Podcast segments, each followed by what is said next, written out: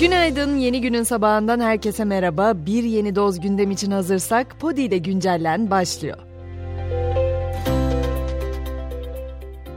İlk durağımız Çanakkale olacak. Çanakkale'de önceki gün başlayan ve yaklaşık 1500 hektarlık alanda etkili olan orman yangınının etrafı çevrilmiş vaziyette.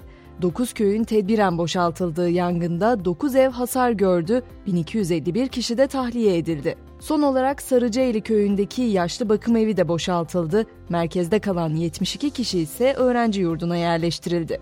Alevlerin yükseldiği bir başka il ise Eskişehir oldu. Seyit Gazi'de çıkan orman yangını nedeniyle Seyit Gazi Afyon Karayolu ulaşıma kapatıldı. Yangına müdahale sürüyor. Dün akşama damga vuran haberse Rusya'dan geldi. Rusya'da St. Petersburg-Moskova seferini yapan özel uçak başkentin kuzeyinde düştü. 10 kişinin öldüğü özel jette Wagner'in kurucusu Prigojin'le sağ kolu Utkin'in de bulunduğu açıklandı. Prigojin adını Putin'e karşı başlattığı isyan girişimiyle duyurmuştu. Hal böyle olunca Wagner uçağın Rus güvenlik güçleri tarafından düşürüldüğünü öne sürdü. Rusya Federal Hava Taşımacılığı Dairesi özel uçağın düşmesiyle ilgili soruşturma başlatıldığını duyurdu. Bugüne gelecek olursak bugün ekonominin gözü kulağı Merkez Bankası'nda olacak. Para Politikası Kurulu saat 14'te faiz kararını açıklayacak. Banka Temmuz ayındaki son toplantısında artış yapmış ve faizleri %17,5'a yükseltmişti. Ağustos ayı kararında da faizde yine artış bekleniyor. Hızlı bir dünya turuyla devam edelim. Almanya çifte vatandaşlığa ilişkin yasa tasarısını onayladı. Tasarıyla daha önce sınırlı sayıda ülke vatandaşına uygulanan çifte vatandaşlık hakkı herkese yönelik genişletilecek. Alman vatandaşlığına kabul edilmesi için gerekli şartlar da hafifletilecek. Buna göre vatandaşlığa geçmek için istenen yasal ikamet süresi 8 yıldan 5 yıla indirilecek. Belçika'ya geçtiğimizde ise ortalığı karıştıran cansız manken haberiyle karşılaşıyoruz. Polis cansız mankeni cinayet kurbanı sanarak uzun süre inceleme yaptı. Olay yerindeki incelemelerde bedenin cansız mankene ait olduğu adli doktor gelene kadar fark edilmedi. Dünyanın bir diğer ucu Arjantin'e geçtiğimizde ise ülkede yaşanan ekonomik kriz nedeniyle Cordoba ve Mendoza eyaletlerinde marketler yağmalandı, 30 kişi gözaltına alındı.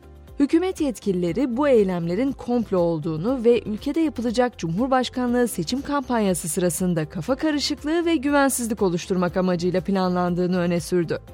Gelelim beyaz perdeye. Haftalardır konuştuğumuz Barbie artık rekora doğru koşuyor. Margot Robbie ve Ryan Gosling'in başrolünde yer aldığı Barbie filmi, Super Mario Kardeşler filmi adlı yapımı geride bırakarak yılın en çok kazanan filmi olmaya hazırlanıyor. Barbie rekora hazır ama Hollywood'da yazarların ve oyuncuların grevi sürüyor. Stüdyolar Amerika Yazarlar Birliği'ne önceki gün yeni bir teklifte bulundu.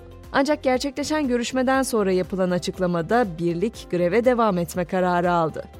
Artık spor diyelim spor gündemi de epey yoğun. İngiltere Futbol Federasyonu'ndan İngiliz hakemlerini kapsayan sürpriz bir karar geldi.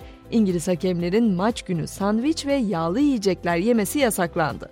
Elbette gecenin sonuçlarına da bakacağız. Galatasaray UEFA Şampiyonlar Ligi playoff turu ilk maçında Molde'yi deplasmanda 3-2 mağlup ederek rövanş için avantaj elde etti. Sarı Kırmızılıların rövanş mücadelesi 29 Ağustos Salı günü İstanbul'da oynanacak. Bugünse Avrupa Konferans Ligi'nde playoff turu ilk maçları tamamlanacak. Fenerbahçe saat 20'de Hollanda'nın Twente takımını konuk edecek. Beşiktaş yine saat 20'de Ukrayna'nın Dinamo Kiev, Adana Demirspor ise 21'de Belçika'nın Gent ekibiyle deplasmanda karşı karşıya gelecek.